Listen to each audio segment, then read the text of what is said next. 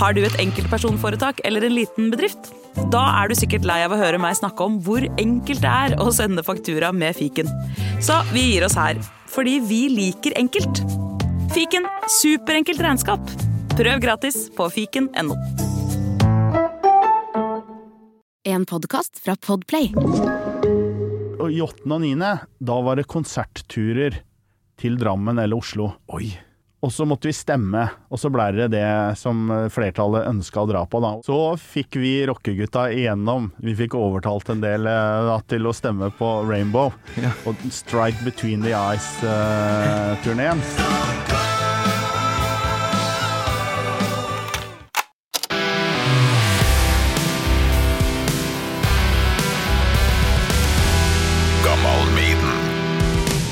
så det blei aldri noe band, da. Men eh, den der interessen for musikk har jo alltid vært der, da. Tydeligvis. Ja. Det her blir jækla spennende. Litt sånn blanke ark for min del, og det liker jeg veldig godt. Ja, ja, ja. Men har du hørt noe på Gammal Maiden? Altså podkasten? Ja, ja, ja. Ja. Har uh, toucha innom den. Absolutt. så bra. Ja. Da vet du litt hva det går i. Så Ja da. klar da, eller? Ja da. Kjør i guide. Gammal Maiden. Med Torkil Thorsvik.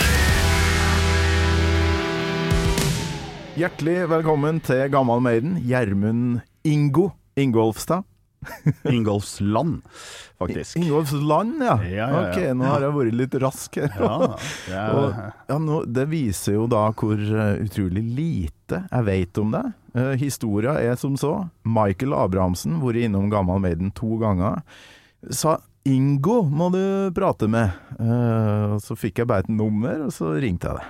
Så nå står vi ja, her. det var jo, var jo hyggelig, det. Og eh, Michael er eh, kjent siden eh, ja, Lusalotte-miljøet og på 90-tallet, da når jeg flytta til Oslo. Jeg flytta i 88, så Hva du kalt det? Lusa Lusalotte pub.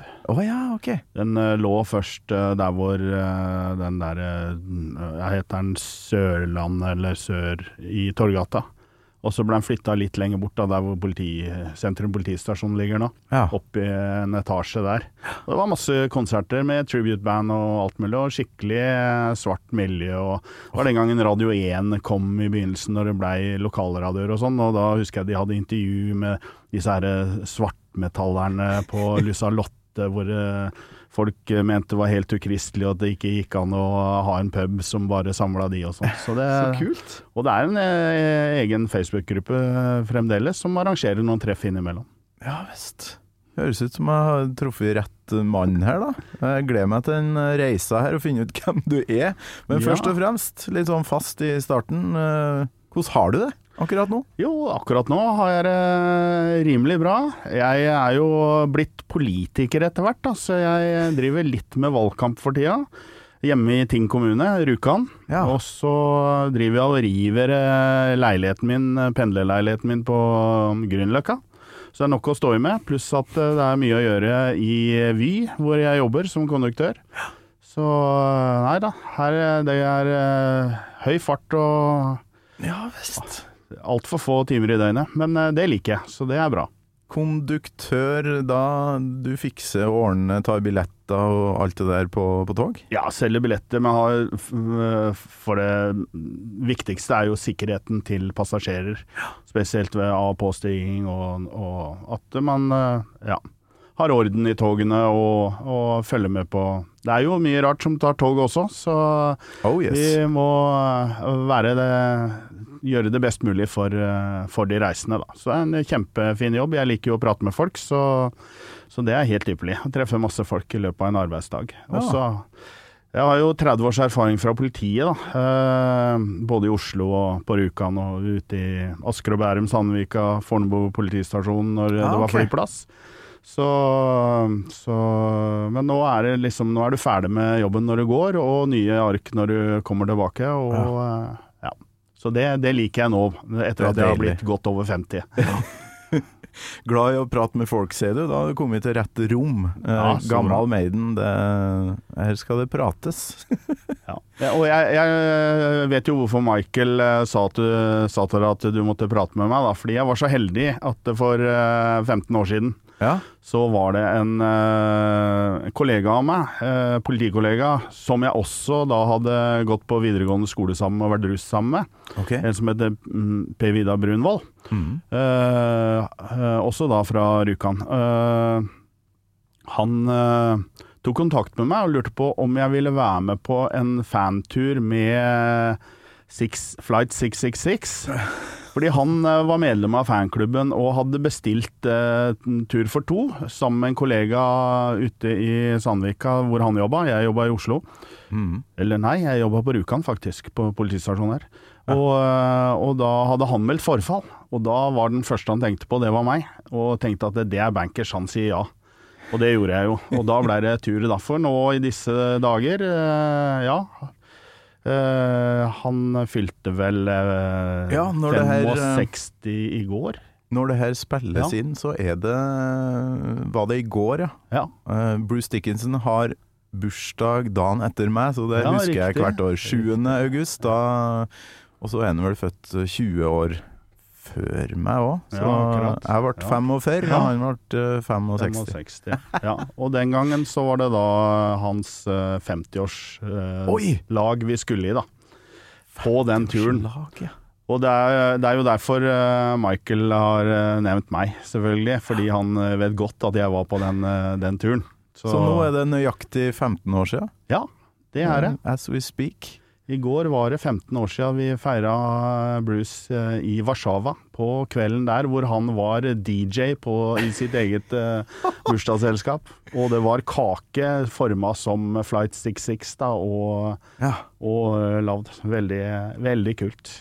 Du, det der må Vi tar det nå med en gang, egentlig. Hvor, hvor stor fan av Maiden var du på forhånd, eller hvor stor Maiden-fan er du?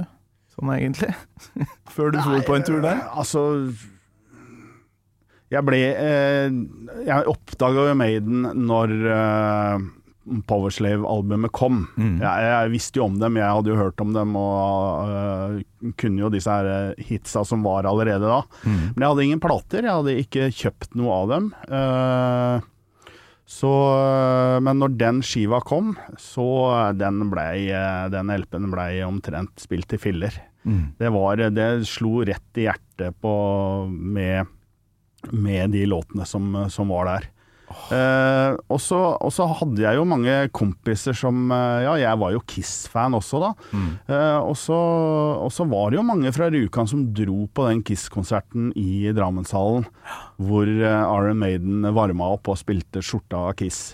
Og alle snakka jo om den, og jeg skjønner den dag i dag hvorfor ikke jeg var med alle kompisene mine til den konserten. Så, Men jeg husker ikke hvorfor jeg ikke ble med. Så det, det Hvor forundrer meg gammel litt. var du da, i 1980? Skal vi se, jeg er født i 67, så da blir det vel en uh, 13-14 år, da. Ja. Ja. ja, da kan det ha vært mor eller Ja. far som har Ja, satt ned foten. Ja, det, ja. Jeg, jeg tror ikke det heller, men jeg husker ikke helt. Men eh, Ja, men du, nå tar vi det her sånn som jeg egentlig pleier å gjøre det. Kronologisk. Husker du, Ingo, første gangen du hørte eh, Iron Maiden? Ja, det, er, det, er, det er et godt spørsmål. Det er, det, er, tungt, fordi at eh, jeg, jeg husker ikke første gang Altså, det ble spilt eh, blant kamerater, og, og, Ja. og når vi gikk på videregående, så var det jo Men, men det, som, det som var Fikk virkelig hjertet mitt til å hoppe og sånn, det var jo på nattrock på NRK. Ja. Heavy nattrock fra Dortmund i 83. Oi, oi, oi. Og da husker jeg jo Bruce Dickinson kom ut med en sånn vikingaktig skjorte på seg med røde skinnbukser og svært, eh, en svær bøkkel på beltet. Og bare gjorde ja, Altså, det satt så innmari. Og jeg med VHS-opptakeren da, og tok opp, og så fikk jeg høre at eh, Nei, de sender enda mer på Sverige. Eh, det er kutta på NRK, en del låter har uteblitt. Så dro jeg ned i nederste delen av Rjukan, i et boligfelt der. Oh, ja. For der hadde de svensk TV, fordi de hadde gravd ned en kabel oppenifra Gaustablikk og ned i dalen. Og da tok de inn svensk TV der, så da var jeg hos eh, ei venninne og tok opp eh, fra Sverige når de sendte der, på VHS. Og den, det var jo jæskla kult, da, for det var det ingen andre som hadde. Så, så det ble spilt mye. Og så kom jo Live After Death Mm. eh, som jeg selvfølgelig hadde også på VHS. Ja, ja, ja. Og da, da var jeg liksom Da var jeg helt eh, Da var jeg solgt. Da var jeg Maiden-fan, altså. Ja, ah, absolutt. fy flate. Altså, men hvor, når var det nattrock-øyeblikket? For det er flere eh, gjester som har snakka om det. Ja. Nei, 83, det, eller? Det, ja, det var jo 83. Ja. Så det ligger jo alt Altså, øh, etter hvert som øh, DVD-en kom, da, så husker jeg jo vi lærte oss å, å få overført det på DVD da, fra VHS, og hadde koblinger og alt mulig. Og, og fikk lagt det på harddisk og sånn. Men så kommer det jo ut etter hvert på YouTube og sånn i kjempebra kvalitet, da, så nå kan Ja, du jo se det når du vil. Ja. Men, eh, men den gangen så var, ikke, var jo ikke det mulig, så da, da var det å mekke til og ordne. Så det har jeg drevet mye med, for å si det sånn. Og filma konserter og uh, hatt med et kamera inn og Ja, ja. driver med litt bootleg-filming, da. Både Metallica og Maiden var jeg ganske god på. Jeg fikk til og med tilsendt billetter av folk fra Tyskland som gjerne ville at jeg skulle filme en Metallica-konsert i Spektrum, f.eks. Så det er et sånt lite miljø da, på, på nettet. Ja visst. Så her snakker vi nåværende pol lokalpolitiker fra Rjukan, jobber på tog, tidligere politi, og eh, generelt interessert i hardrock, da, skal vi se det sånn, eller? Ja, Ja. absolutt. Absolutt. Hvordan var miljøet på Rjukan eh, for det? Var dere en gjeng? ja, det er eh, en gjeng som, som jeg vokste opp sammen med på 80-tallet, som, Mm. som påvirka hverandre. Absolutt. Og, og jeg husker jo Altså, jeg har en eh, bror, eh, en bror som er fire år eldre enn meg. Mm. Og, eh, og jeg husker jo vi fikk sånne kassettspillere av mormor og morfar med én høyttaler på og sånn, da. og da husker jeg at broren min han kjøpte kassetter, da, påvirka av kompisene sine som på, på hans alder. Ja. Og der var det jo mye. Det er alt fra Nazareth til Rush og til Kiss og, og Thin Lizzie. Uh, Manfred Mann. Uh, alt dette her stal jeg da, og lånte og, og kopierte og, og sånn. Og, og det, det var jo han som Hans uh, musikksmak da, som han fikk av sine kompiser. Eh, som smitta over på meg. Og så, og så hadde jeg jo hjemgamle kompiser som også hadde oppdaga heavy metal og, og, og hardrock. Ja. Så, så vi, vi utveksla mye, vi gjorde det. Absolutt. Ja, den derre låninga og sende ting på runde i bygda, det var viktig, altså. Ja, det var det. For du hadde jo ikke råd til alt i hop. Nei da, og så og så var vi, bodde vi Det var jo eh, noen timer til Oslo, da. Mm. Så ca. 20 mil den gangen. Så nå er det litt kortere nå pga. nye veier. Men, ja. men det var ikke ofte du var i Oslo. Og det var jo når vi var på Norway Cup, da. Jeg var jo to ganger på Norway Cup da som guttelag. Ja, ja, ja. De to årene jeg var guttespiller på når jeg spilte fotball. Og da var, vi, da, vi jo, da var det jo de faste platesjappene i Oslo, og vi kom hjem med et par bæreposer med plater. da, En fem-seks av kompisene mine som jeg spilte fotball sammen med, Ja. som var skikkelig musikkinteressert. Så det var jo liksom det store når det var på Norway Cup. Etter det å ha spilt fotball og blitt slått ut, da var det platesjappene som fikk eh, gjennomgå. Hadde langt hår og sånn? Circus eh, Jeg hadde langt hår i nakken. Ja, du hadde ja. Ja, men eh, det begynte å falle av når jeg begynte i militæret, så etter hvert så så, eh, så ble det ikke så mye hår, nei. Nei, nei, Nei. men jeg husker jo sjøl Brutter'n var jo på Norway Cup, og jeg var med bare på lasset en gang. Og det var jævlig kult med fotballspillere som hadde langt hår. Ja, ja, ja. Sånn Claudio Canigia som spilte på eh, argentinske Ja, ja, ja, landslaget. Tror han var vel nede i Atlanta eller noe sånt, i Ja. Ital Ja, ja, italiensk fotball. Ja, det kan stemme Sånn, ja, ja, så langhåra fotballspillere, det var tøft. Ja, det var tøft. Jeg husker Mario Kempes på Argentina, jeg da. De vant vel i var det 78 eller noe nå, når. VM i Argentina. Så det, det var stort for meg. Ja, Da ble jeg født, ja ikke sant? i 1978. Ja. Men eh, hva, hvor stor del av livet ditt er det nå i dag, det her med, med hardrock og sånt? Så holder du kontakt med Nei, altså, det her? jeg, nå er jeg jo en konsertgjenger da, og festival. Jeg jobba jo et par dager på Tonsor Rock, på hovedscenen, med, med, med banda og med Get In og, ah, okay. og, og Lavereisere og, og alt dette, da. Så, så kom eh, gutta i Black Debate, og så så de meg. Jøss, er du her òg? Det fikk jeg spørsmålet om da fra Drommisen. Så, så ja, jeg er jo litt kjent i rockemiljøet, har jeg blitt etter hvert, da. Jeg har jo vært eh, konsertarrangør på Rjukan, i Rjukan Rockforum, som vi, som vi starta på 2000-tallet. Ja. Og Rjukan Rockfestival, som ble starta i 2001 av noen andre. Og jeg, da bodde jeg i Oslo, og, og, og Nei, jeg bodde ikke i Oslo, jeg var, bodde på Rjukan. Men jeg hadde kontakter med Backstreet Girls og Michael og Big Balls. Ja, okay. Så eh, andre året så ble jeg dratt med da, for å få booka de to banda Ja. til Rjukan Rockfestival.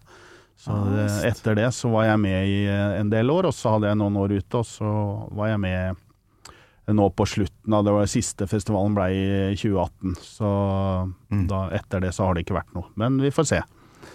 Ja, vi fant jo ut at uh, bandet mitt Nullskatte har vært innom Rjukan rockfestival, men da var ikke du der? Nei, fant det du ut var året etter at jeg eh, ga meg. Uh, i, jeg tror det var i 2007 dere var innom der. Ja. Så Og i ettertid så har det kommet et speil i Rjukan. eh, Det har jeg nok ikke vært sjekka ut live, Nei. men nå er jeg jævlig spent. Funker det? Nei, det funker ikke. Det har nå stått ganske stille i eh, et år. Og det har jo vi som eh, politikere. Jeg har jo sittet i kommunestyret nå de siste fire åra. Ja. Så vi har vært litt forbanna på det, og at det ikke var noe serviceavtale og sånn. Og det gikk jo på solceller dette her, og speilet flytter seg jo etter sola, så det er jo motordrevet og alt mulig, sånn at det skal skinne ned på torvet på ett spesielt punkt hele tida. Ja. Der blir det varmt, og der har, eh, har vi hatt noen andre speil og produsert strøm og fått noen motorer til å gå rundt og sånn, så det har jo vært ganske, ganske kult det, da. Okay, så Men nå før- er det flaut at det ikke har vært. Men nå, nå er det jo på gang. Da nå er det bevilga penger, og, og kanskje et annet system med at man får lagt en strømkabel opp, sånn at det der okay. Ok. Er eh, For det har måttet hatt varme på dette her for at det ikke skal fryse om vinteren og sånn. Og det er jo vinteren det er eh, viktigst, for Ja. da er jo ikke sola nede i dalen. Ja. Da er den bare oppe i fjellsida. Og da Dette her er jo ideen til Sameide, da. Som la eh, Måneelva og Rjukanfossen i rør og, og lagde verdens største kraftverk én etter én nedover i dalen eh, på begynnelsen av eh, 1900-tallet. Og Ja, for det er mye skygge nedi der. ja, det er, sånn folk, folk tror jo at det er mørkt, vet du, sånn som i Nord-Norge, men det er det jo ikke. Men eh, sola Nei. kommer ikke ned, bare. Ja, det er litt sånn som i typ Sunndalsøra, ikke Ja, sant? ja. Fjell overalt. Ja. Store deler av dagen, jævlig mye skygge, men likevel jævlig varmt. Ja. Jeg vet ikke, Er det like frodig der som på Sunndalsøra? For der er det mye epler, pærer og plommer som bare blomstrer som bare juling. Ja, Da. ja, det, da må du litt utafor byen, da, men der dyrkes det både epler og plommer og bringebær og ja. Så det, det funka med det speilet da det var i, drift? ja da, absolutt. Det er kult! Yes. Og jeg så da- en dokumentar om ja, han som fiksa det til slutt, da, etter en idé av han eh, Sam. Eide. Ja. Ja.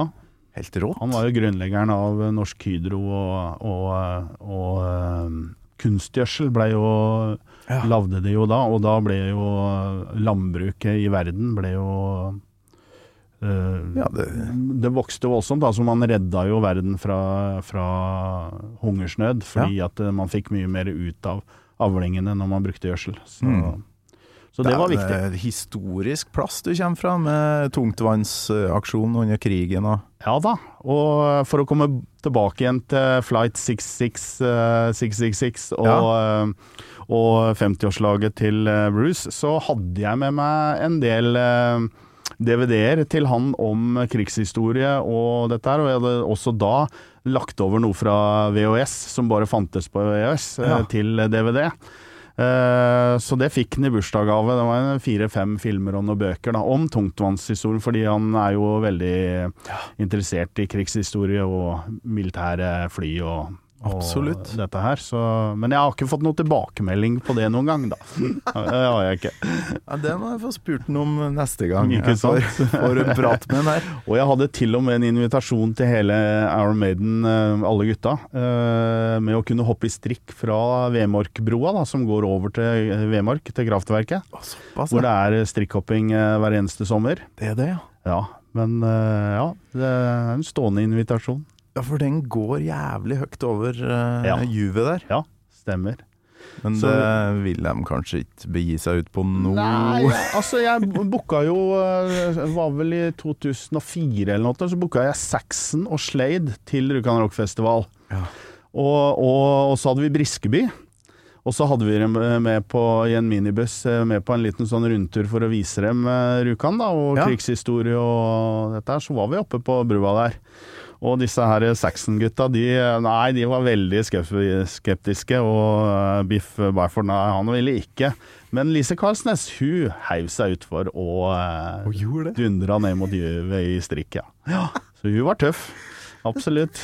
Det høres ut som en kjempeplakat. Slade, som vi sier på trøndersk. Ja, ja, ja. Saxon og Briskeby. Ja, ikke sant? Ja. Det er jo helt rått. Var det såpass til navn liksom hvert bidige år, eller var det litt litt spesielt stort? Det var vel litt tilfeldig og litt sånn. Jeg, jeg husker jo Altså, eh, jeg, jeg hadde booka egentlig Michael Schenker Group. Ja, okay. Og så fikk jeg telefon fra det tyske bookingselskapet da, at eh, Michael Schenker ikke kunne komme. Mhm. Og så lurte de på hva, om, eh, om, om jeg kunne ta Saxon isteden. Ja. Og jeg, bare, jeg var jo stor Saxon-fan, så jeg bare yes! ikke sant, inni meg.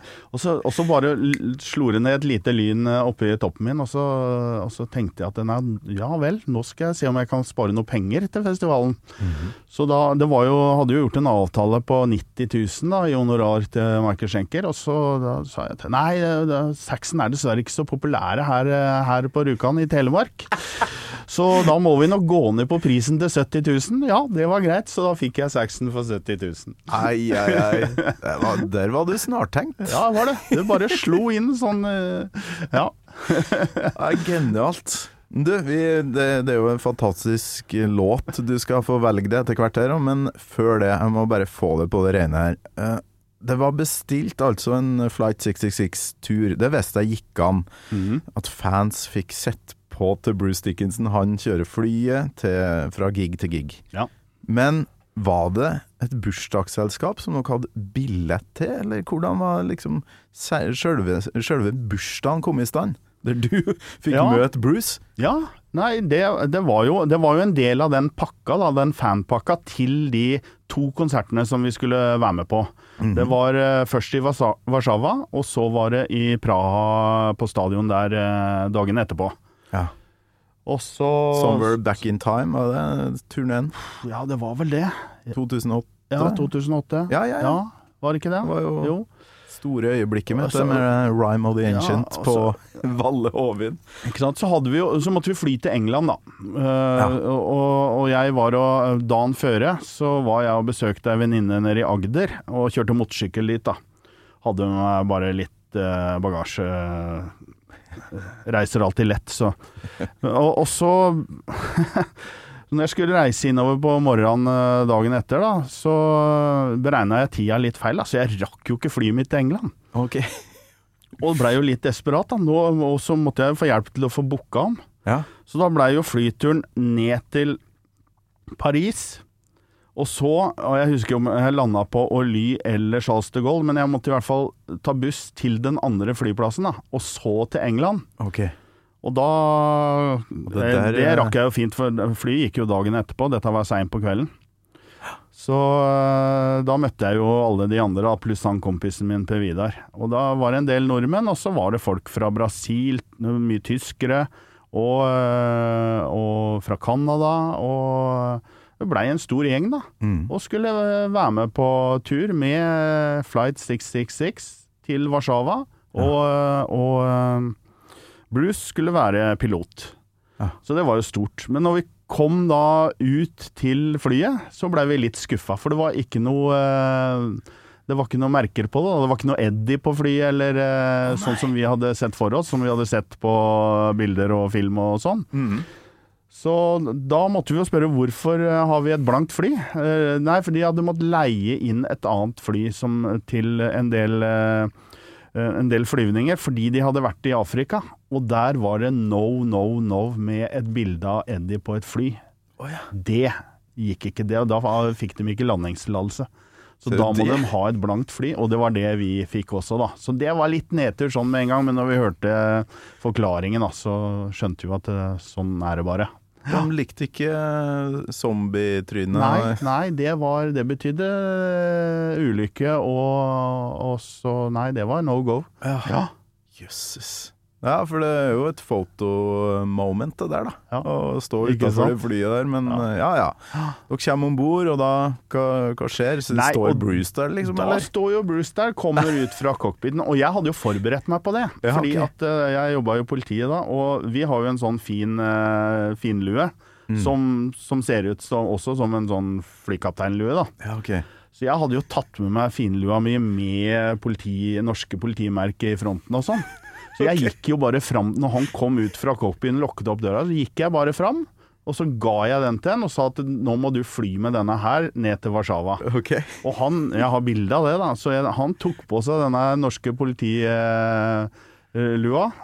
Vi kalte det jo flyplass, da, fordi den er jo så stor oppå. Ja. Og, og kjørte fly med den, da. Jøss.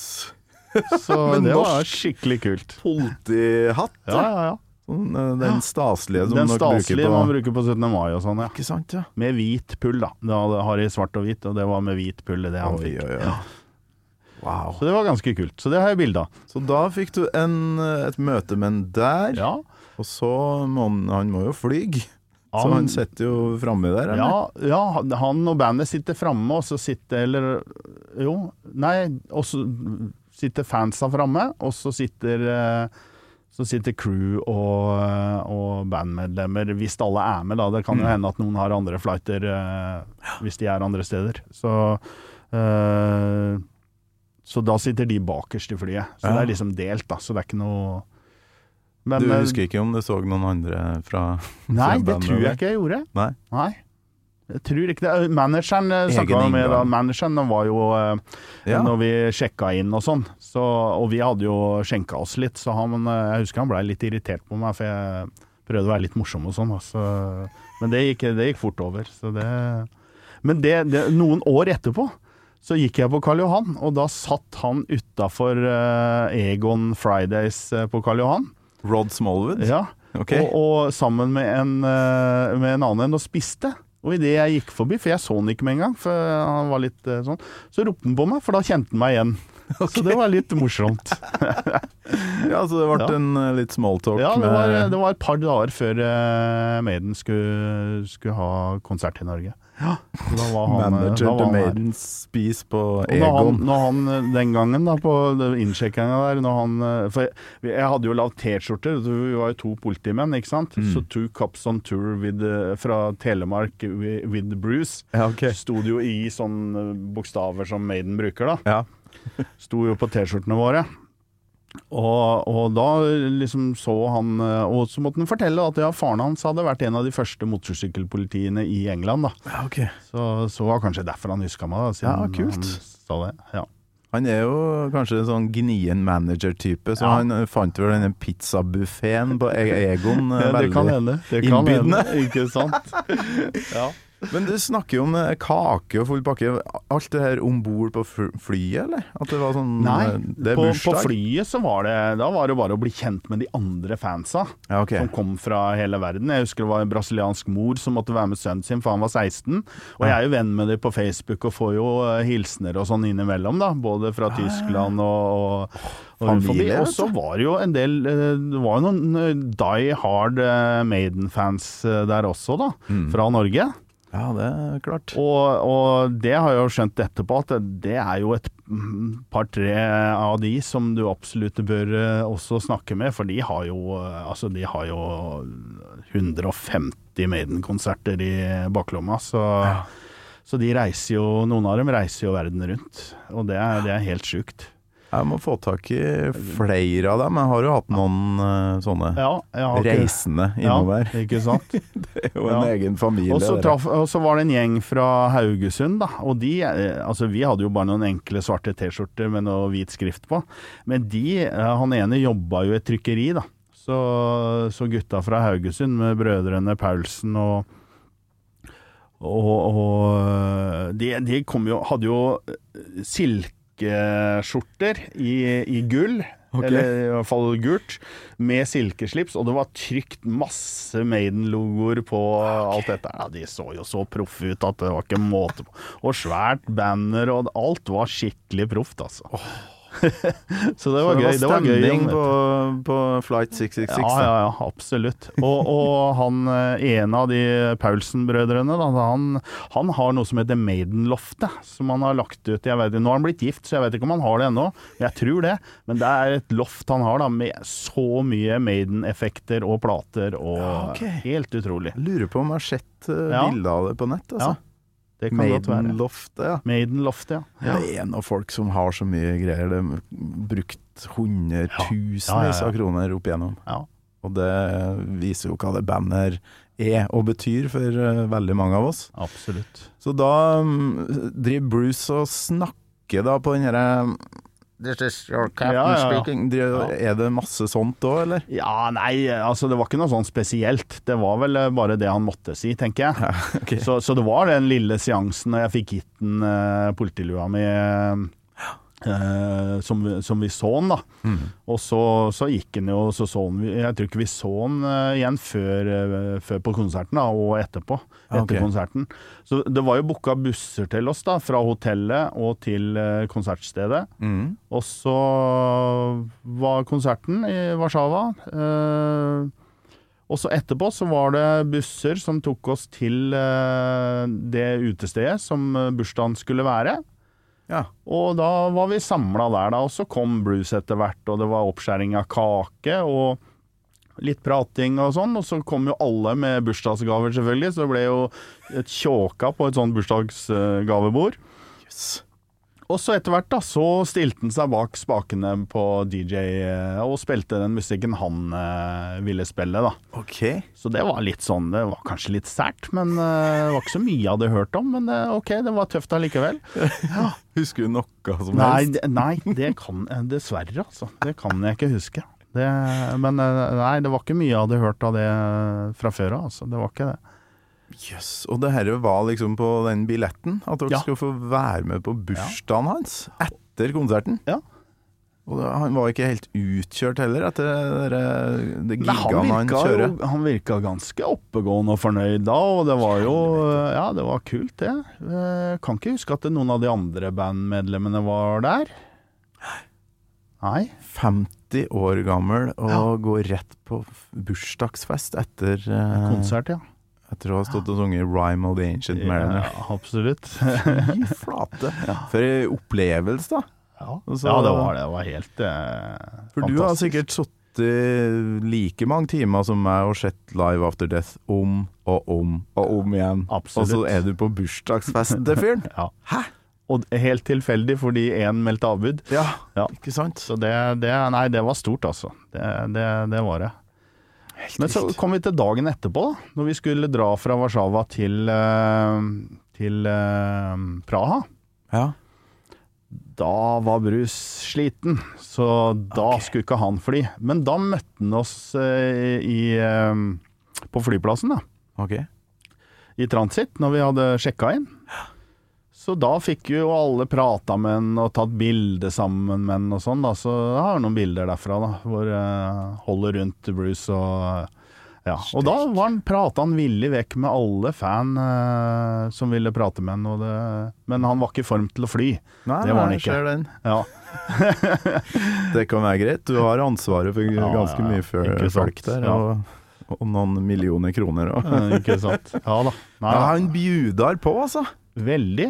Veldig, og det, det syns jeg det var, Jeg var så imponert over det, det husker jeg. Det syns jeg var stort. At han satte seg ned sammen med oss uh, der og prata med folk som Ja, kom bort. Og, Ja, det her blir jo publisert i god tid etter bursdagen hans, men jeg må nesten bare si grattis med dagen, Bruce Dickinson. For en fyr! ja, for en fyr, altså. 65 år. Ja.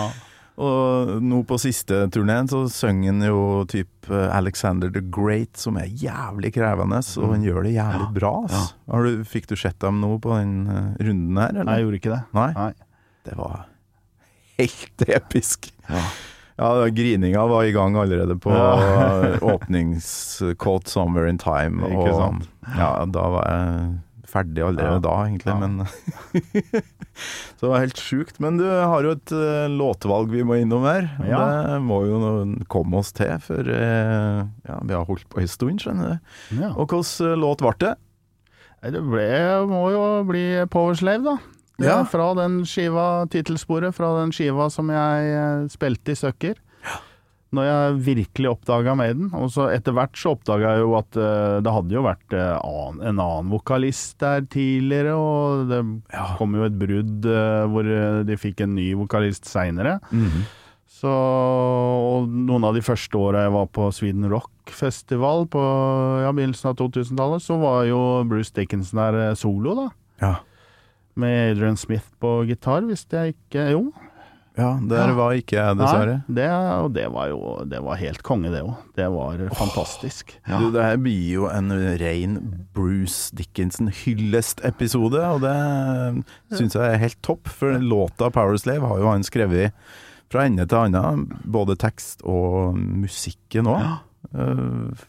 vet ikke hvor god han er på gitar, egentlig, men han klarer å skrive riff og, og låter, tydeligvis. Og jeg har delt, må, måtte ha delt introen i to, men jeg, kan, jeg må ha med hele. Så, for det er noe med den stemninga du får når du hører det her.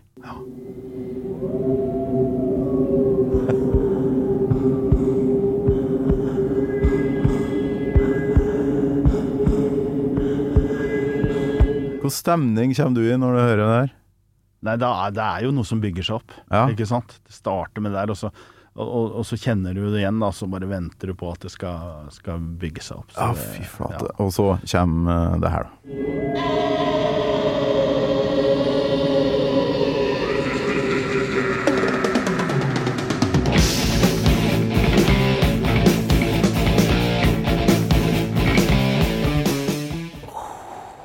For et riff! Ikke sant? Ah, for et eh, herlig låtvalg. Det er lenge siden noen har uh, snakka om det låta her, så det her var digg. Eh, og så det er noe med Jeg fikk ikke hele her, men de tonene der som er litt sånn der uh, orientalsk på et vis, eller hva vi skal kalle det. Ikke sant? Så dette var første albumet der du bare Det Ja. eksploderte for deg, da. Ja, Sånn eh. Maiden-messig. Ja. Det var en kompis av meg nå når eh, den siste plata deres eh, kom. Mm. Og så hørte vi gjennom det, og så sendte vi hverandre noen meldinger om eh, Ja, hva syns du? Ja, nei, det var skikkelig bra, og jeg var enig, og, det var skikkelig bra. Og det, det må være eh, noe av det beste siden eh, Ja, noen av de første platene. Jeg husker ikke hvem han nevnte, jeg. Mm. Og så sier jeg at nei, det er det ikke, for Powerslave kom imellom der. Ja, ja, riktig. Ja, enig i det. Husker du hvordan du fikk tak i Powerslave? Altså, hvordan fikk du tak i musikk på denne tida? Ja, nei, vi, eh, altså, Norway Cup? ja, det, det, ja, mye på Norway Cup, men eh, da var det nok ikke Maiden.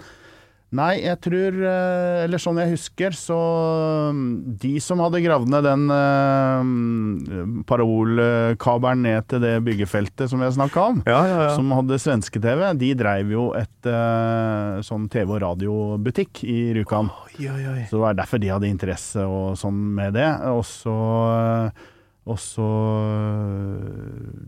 hadde de en platesjappe i enden av butikken. Så der handla jo mye, mye plater. Så det var nok der jeg kjøpte den. Ja, ja, ja. En liten lokal platesjappe. Hver bygd har jo en sånn familie, for det kjenner jeg meg igjen i. Kolvereid hadde jo en sånn familie som var jævlig interessert i god lyd, Ja. bra bilde, Riktig. og så hadde de en egen butikk. Og utsalg av musikk. Ja. Og da var det jo ikke alle som hadde råd til sånn ordentlig hifi-anlegg, som vi kalte det. Jeg hadde stort sett bare en helt enkel kassettspiller, men eh, holdt det. Ja. Nei, det var eh, Plutselig så tråkka faren min til og kjøpte et uh, Hitachi stereoanlegg da, med platespiller. Ja. Og da, da var det julaften og 17. mai på en gang, vet du. Og da begynte å handle plater istedenfor kassetter. Ja, Så det var uh, Ja. Og så eh, husker jeg han eldstebroren min. Han eh, kjøpte seg jo selvfølgelig headphones for å kunne sitte i stua hvor eh, stereoanlegget sto.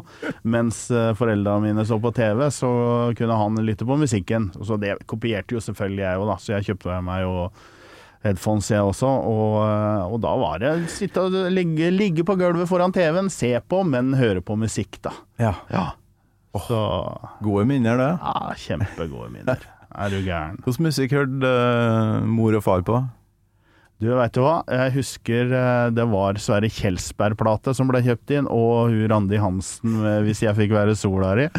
Så, det, så det, det var liksom eh, og, og før det, når vi bare hadde kassettspiller, så hadde vel far min kjøpt noe Jim Reeves og noen sånne kassetter, da. Så, Ja, det er god lyd. Det, altså, det er jo gode minner. Men Ja. du gjorde jo et kjempeopprør, er du da. Du begynte å høre på ordentlig heavy greier. Ja, ja, ja. Absolutt. Så, og har, altså Broren min som inspirerte meg med all musikken han kjøpte på den tida, da, han har jo slutta å høre på musikk og slutta å gå på konsert og sånn. Oh, ja. Men jeg har aldri sluppet den greia, da, så jeg har bare videreført det med å engasjere meg med å være konsertarrangør og, og dra på mye festivaler, både inne- og utland, og, og konserter. Så Ja, du nevnte jo Nasaret-kassetta her, Raz Razamanaz og den tida. Razzamanas, ja. Fikk du dem noen gang til Rjukan, eller? Ja. de, de var jo mye Altså, i Norge. Ja, vi har hatt, eh, vi har hatt eh, et par ganger på Rjukan. Så det var vel i 2017, eh, sist gang de var der. Da hadde jeg booka Lizzie. Mm. Fra, som ble, og da var hun også booka på Miniøya Okay. samtidig. Så, så Men hun ble sittende flyfast eh, i Canada, tror jeg det var Okay. eller USA. Og så måtte vi finne på noe eh, drastisk, og da hadde Manfred Mann spilt, eh, spilt eh, nede i Langesund. Hva? Og de var på vei til flyplassen. Og så hadde vi hatt uh, Come Taste the Band med Dougie White på vokal. Ja. Og Dougie White kjente jo disse gutta i Nazaret. Han Mm. hadde blant annet blitt spurt om å synge i Nazaret. Men da hadde han anbefalt han vokalisten som er nå. Ah. Så han kjente jo han. Ja, ok. Så de var på vei til Gardermoen. Da vi fikk snudd dem, og de kjørte tilbake til Rjukan. Og gjorde en uh, Wow. kjempekonsert. Og da var det flere folk fra Rjukan som ikke hadde tenkt å komme på festivalen, avbrøt ferien og kjørte hjem. Såpass. ja. Så Jævla Bra gjeng, det der. Ja, ja, ja. spilt på samme festival en gang i 07 eller 08. Ja. Da levde han jo fremdeles han eh, Hva heter han vokalisten her igjen? Dan McCafferty. McCafferty. Ja. Ja. Helt sjuk hvordan han sang. ja. Gamle mann, vet du. Hadde Ikke fremdeles den deilige raspestemmen. Mm, ja. Og for, bra som partygjeng òg, vet du. ja, ja. ja.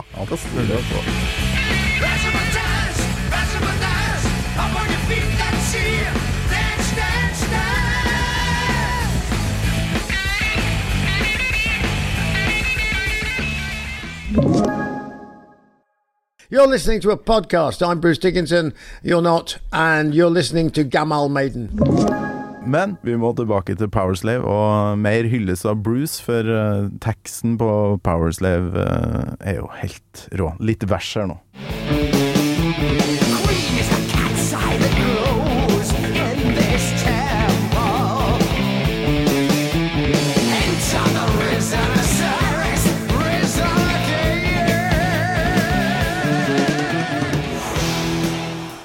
Osiris, og det er en sånn farao-historie, det her. En som vet at han må dø, tror han er en gud, og er vel litt muggen da, for at han må i dødsriket. Men faen så genialt på det her tidspunktet, syns jeg, øh, å dra inn noe egyptisk i Maiden. øh, altså bare det coveret. Hvor viktig var sånne ting for deg? Coveret med Eddie, pyramidene og tekster og sånt.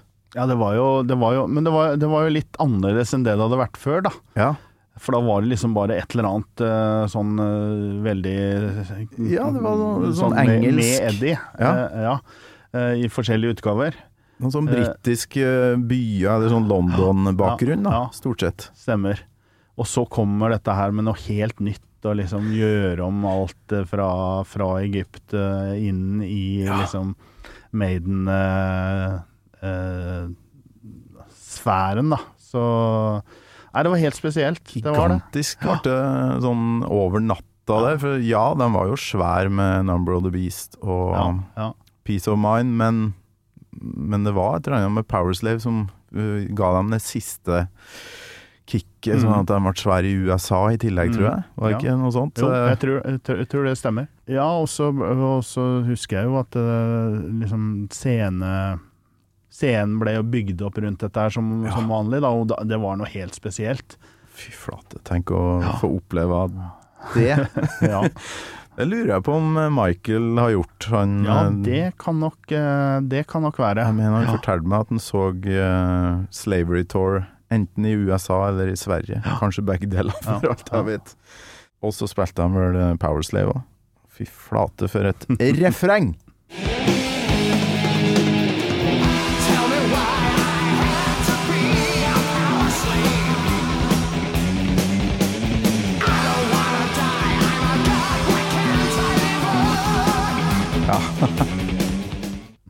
I'm a, god, I'm a god, why can't I live on? Ja. Og så har jeg funnet Skal vi se hvor jeg har det. Funnet brus som uh, er isolert, da. Bærer brus fra refrenget. Og det Da kommer jo det her bakgrunnssynginga helt uh, tydelig fram. Hør på det her. Tell me why I don't wanna die. I'm a god. Why can't I live on? Helt rått. Ja, det er genialt, altså. For en vokalist. Og så skrev vi jo en del eh, låter på den tida her. eh, Ganske mye til Peace of Mind og Powerslave, men så ble det jevnt slut en liten periode der. For han, eh, jeg lurer på om han faktisk var nesten på vei ut av bandet. Og ble så sliten av, eh, av den slavery-tårn. Mm. Den varer jo et år. Ja, Spilt hele tida. hele tida, ja. Eh, De gjorde, jeg tror de gjorde maks ut av det. Ja. Ja. Ja, Helt rått. Så det var liksom din peak. Eh, men hva var det som fikk deg til å da på et eller annet tidspunkt tenke jeg må høre på rock? Altså, hva var ditt første rockekick hos band eller låt, eller husker du det? Det må jo ha vært typ 70-tallet, da. For din del. På slutten av 70-tallet, tenker jeg. Altså, ja, begynnelsen av 80, slutten av 70, ja. Jeg vet ikke når, eh, når var det Thin Lizzie Live and Dangerous kom ut, da. Den husker jeg også prega meg ganske mye, altså. Ja. Er ikke det sånn 79-ish, Ja, noe eller? sånt, ja. Ja. ja. Nei, Det husker jeg, det var en av Det, det var en Å, oh, herregud. Da, vi kjøpte jo det, det bladet som het poster, vet du, fra, fra Sverige. Ja. Og det hang jo Altså det ikoniske bildet hvor uh, Fille Lenet uh, står på kne foran på scenekanten og med bassen, uh, det, det hang jo på veggen, da. Og det var eh, ja, masse andre plakater også. Jeg fant et gammelt bilde nå. Der hadde jeg faktisk over senga to Runaways-plakater, da. Jeg, ja, jeg var sikkert åtte år eller noe, så minstebroren min var fire. Da sitter vi i senga der, da, og så to eh, Runaways-plakater eh, over huet på oss. Ja. Det var gutterommet. Vi hadde køyeseng, da. Runaways, Thin Lizzie Ja. ja. Ja, og så var det jo ja, The Manfred Mann husker jeg det også var eh, Men Uriah Heap og Nazareth det, og Black Sabbath husker jeg også bror min kom hjem med kassetta, og det gikk eh, alt. Alt bare, bare falt inn. Det var liksom den musikken jeg skulle høre på.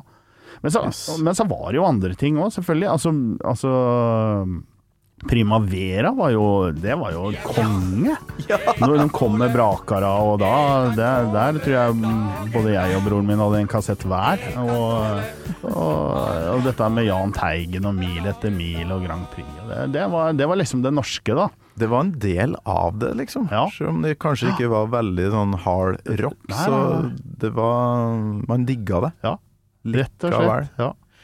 Jeg var jo ja, Selv om jeg likte rock, så um, ja, gikk ikke av banen for å digge litt Ketil Stokkan og og Romeo og de Ja, ja, ja. Sammen for livet, ikke minst. Ned, ikke naken her i nord. Så TV-bildet kommer langveis fra. Med bønn om hjelp. Med bønn om. Å, fy flate som jeg digga sammen så hadde vi, jo livet. noe, vi hadde jo jenter i klassen, ikke sant. Så vi måtte jo Vi var jo på besøk, og vi var jo sammen med disse jentene, vi gutta òg, da. Og da var det jo eh, Da var det jo viktig å høre på noe av det de hørte på. Så da var det jo Baccara og Bonnie Hjem og, Ja. og det som var den gangen, da. Det, for det, vi måtte jo høre litt på det jentene hørte på, for Ja, ja, ja. å gjøre oss litt interessante. Så nei. Når var det du havna i Oslo, da, det der flytt- miljøet? Jeg flytta jo til Oslo i 88, så det var jo slutten av 80-tallet, begynnelsen av 90-tallet. Ja. Og da Det var det. havna du rett i det her eh, hår, hårmiljøet, da, eller? Ja, nei, Gikk rett altså, inn? ja, egentlig sånn som når jeg var på byen og sånn, så likte jeg jo, fant jeg jo fort ut at det, altså For politifolk da, så var det jo smuget som var det, var det store, men det var, Ja, jo en del, var jo en del konserter der òg, da. Ja. Så, så det var eh, ja, for da gikk du Politihøgskolen, eller? Det var ikke høyskole den gangen, da, så det var, eh, det var etatsskolen. Politiskolen? Én, to og tre? Nei, så det var jo en eh, toårig utdanning med lønn og med et pliktår. Da pliktåret mitt fikk jeg til i Asker og Bærum i Sandvika. Så, Ja. så da blei jeg sju år der før jeg flytta hjem igjen til, eh, til Rjukan. Og så jobba der i tolv år før jeg flytta tilbake igjen til Oslo. Så, men eh, nei, det var eh, Når man var ute på byen, traff kom kompiser da, som eh, dro deg med for å lære byen å kjenne, og så blei det jo noe, noe da ble det noen turer til der hvor eh, rockera var, da. Og etter hvert så kom jo rock inn eh, som pub og, og, og konsertsted. Og ja, Chateau Neuf var det jo noen konserter. Jeg husker første konserten jeg var på i, i Oslo.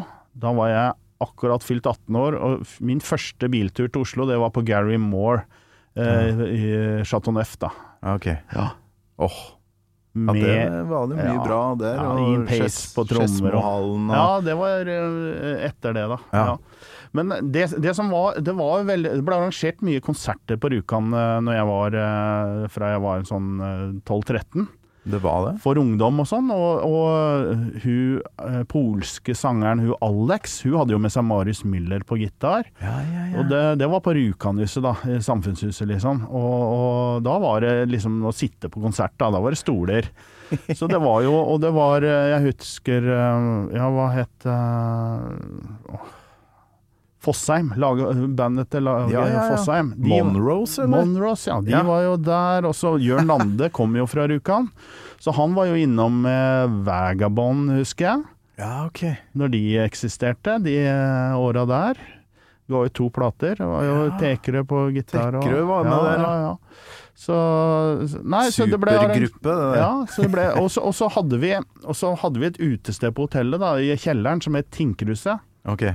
Eller Cruiset, som vi kalte det. Og, og, og der var det en som var veldig flink til å plukke opp band som spilte i Oslo og i Bergen. Rjukan ligger midt mellom. Ja. Så tok de en overnatting på hotellet der, og så spilte de konsert da. Og der var det ganske mange, mange bra band som spilte. Da, men det var, da var jo ikke jeg gammel nok til å, å komme inn, men jeg husker jo han eldstebroren min var jo på forskjellige konserter da, da som, eh, med, med kjente, kjente band. Så ja, litt bortskjemt du da, i forhold til meg fra havhålene oppe i Nord-Trøndelag. Det var ikke så mange eh, som var innom der på vei til Bodø, for å si det sånn. også det kule som var på, på ungdomsskolen, Mm. det var at når du, eh, du hadde tre år, da det var 7., 8. og 9. klasse før du skulle på videregående, Ja. og de to, og, og i 8. og 9., da var det konsertturer til Drammen eller Oslo. Oi. Og så husker jeg vi fikk noen alternativer, Aha. og så måtte vi stemme, og så ble det det som flertallet ønska å dra på. Da. Og da arrangerte skolen med busstur eh, inn, konsertbilletter og busstur hjem. Å, fy flate. Så når jeg gikk i åttende, da var det vel Da tror jeg vi dro på ELO. Da ble det bestemt. Electric Light, Light Orchestra. Orchestra. Og året etter så fikk vi rockegutta igjennom. Vi fikk overtalt en del eh, da, til å stemme på Rainbow. Ja. Og Stride Between the Eyes-turneen. Love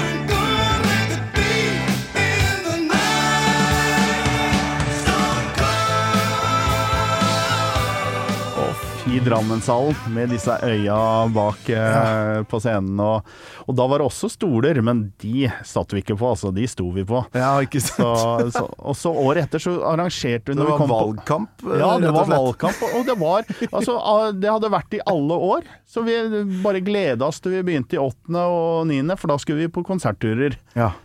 Så, og ja, det var masse bra band opp igjennom som, eh, som skolen dro på, da. Og så når vi kom på videregående, så arrangerte vi sjøl sam, videregående sammen med yrkesskolen, da. Og da dro vi på et CC Topp i, eh, i Drammenshallen, og Ja. det var jo helt magisk, det òg. Men så du fikk det liksom litt inn sånn eh, når du vokste opp òg, da. Oh. Med alle de tingene jeg har, jeg har nevnt. Hørtes helt rått ut. Vi må høre eh, litt Nico McBrain. Har du fått med deg at han hadde jo slag tidligere i år? Sto det på Maidens hjemme, eller på, på Facebook-sida deres her om dagen. Uh, og det, han har trent seg opp før den turneen nå. Ja, det har jeg ikke fått med deg, sier du det? Han har hatt Yes. slag i januar eller noe sånt. Ah, ja. Så han, uh, han er jo passert 70 Ja. for lengst, så Ja, han uh, er så respekt for det han gjorde i Bergen da jeg så Maiden, at jeg bøyer meg i støvet. For han vi skal høre nå, med tidenes beste trommebrek.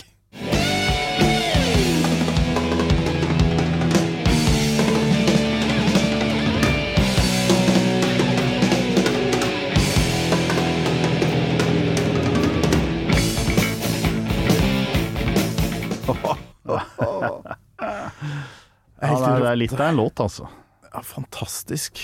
Hoppa glatt over litt sånn. Det er jo sånn nedparti her òg, der Mm. Det er egentlig Steve Harris for briller. Vi kan heie litt på det for eh, Steve Harris er jo min Ja. favoritt. Jeg skulle akkurat til å nevne det, at eh, du må jo få med litt av han òg. Ja. Høyere på det han holder på med her nå. Ja.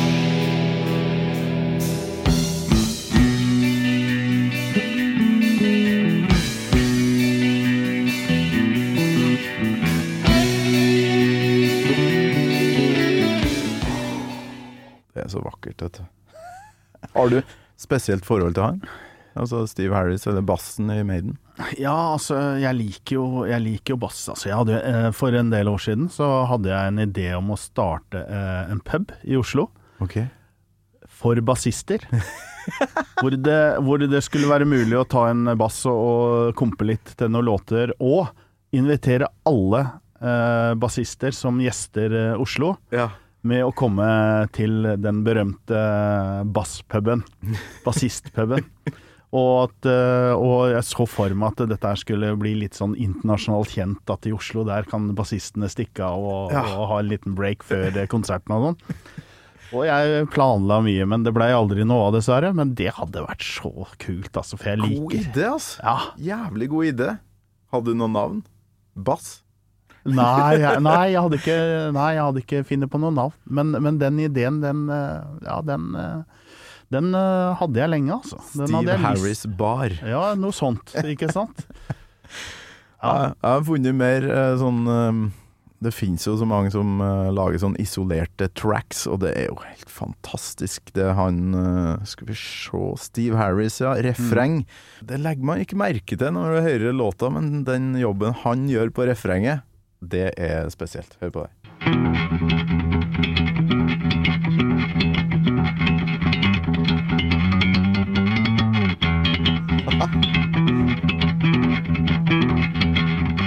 Akkurat den detailen der, men Det er et stort sprang der. Ja, det er helt rått. Det der, det der var skikkelig kult. Nei, han, eh, han jeg lurer på om det fortsetter, at det er mer. Ja da. Det her, ja.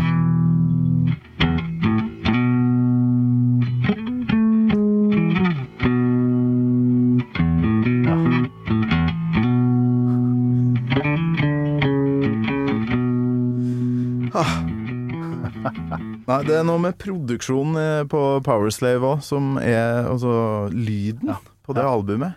Helt spesielt bra, syns jeg. Og, det, og det, det gjorde faktisk eh, til at eh, jeg begynte å høre på en del prog-musikk òg. Okay. Fordi at de skiftene i eh, låtene Ja. eh, som, som jeg opplevde i den plata her Mm. det finner du også igjen, da, på Og jeg blei jo etter hvert stor Dream Theater-fan. Ja. Og, og, og, og ja, gammel Genesis begynte jeg å høre på etter dette. Og, Ja, ja, ja. og, Så det, det ga meg liksom uh, mer uh, Ja, at jeg ønska å utforske litt, da. Uh, og, og fant musikk som hadde masse skifter og masse temaer og sånn. Så det- Gammal. Genesis. Ja, ikke sant? Der har du egen Ja. podkast. Der er jo òg mye snadder, altså. Ja, Nei, det er også Powerslave med både låta og Rhyme of the Ancient Mariner. Lost for Words, ikke minst, den eh, instrumentalen. Det er mye, det er mye prog der. Mm, det er mye prog. Ja. Avslutninga på låta er jo eh, delt i to, for den er lang og vakker.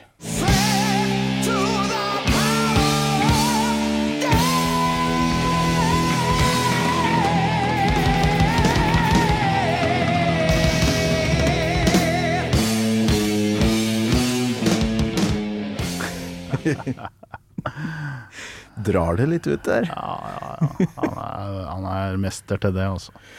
Absolutt. Ja, så det er gode minner fra Live After Death òg, med den låta her, da. Ja.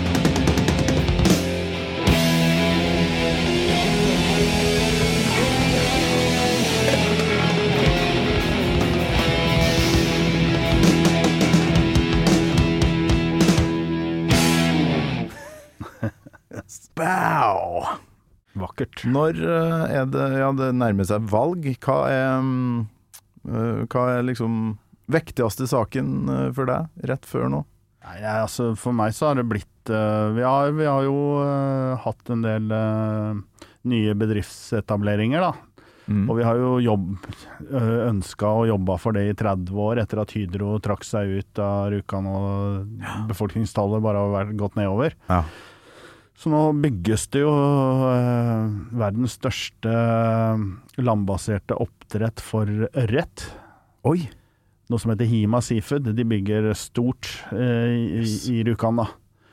Og så er Aker-konsernet, Aker Horizon, inne og lurer på å begynne med hydrogenproduksjon på Rjukan. På Saudi? Ja, så Det skjer ting, da. Det skjer ting, og, det, da, og da blir man jo veldig interessert i næringspolitikk, da. Og, Mm. og, så, så at vi Det også kunne få den eh, befolkningsstatistikken til å peke litt oppover, det, det syns jeg er veldig viktig.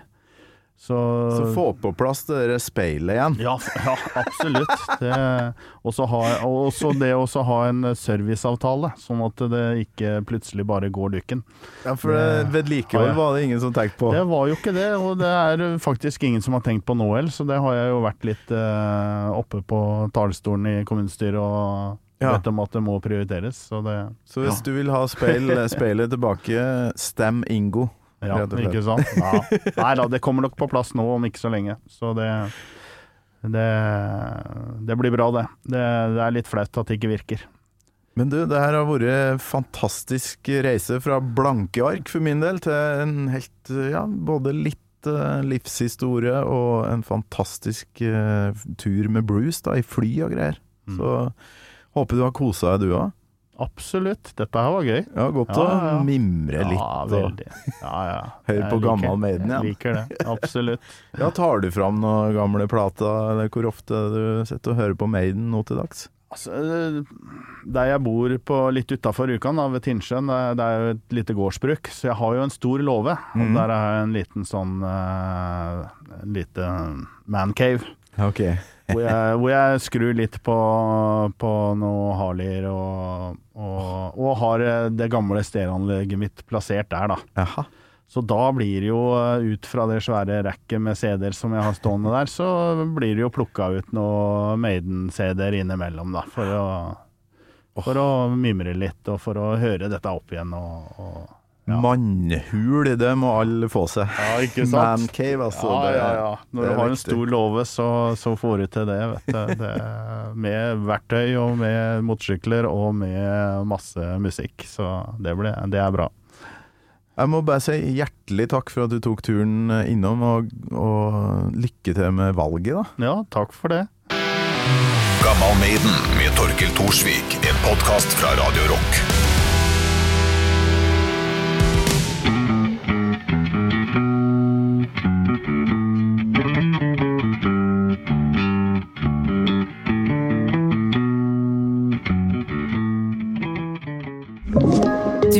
Podkast fra Podplay.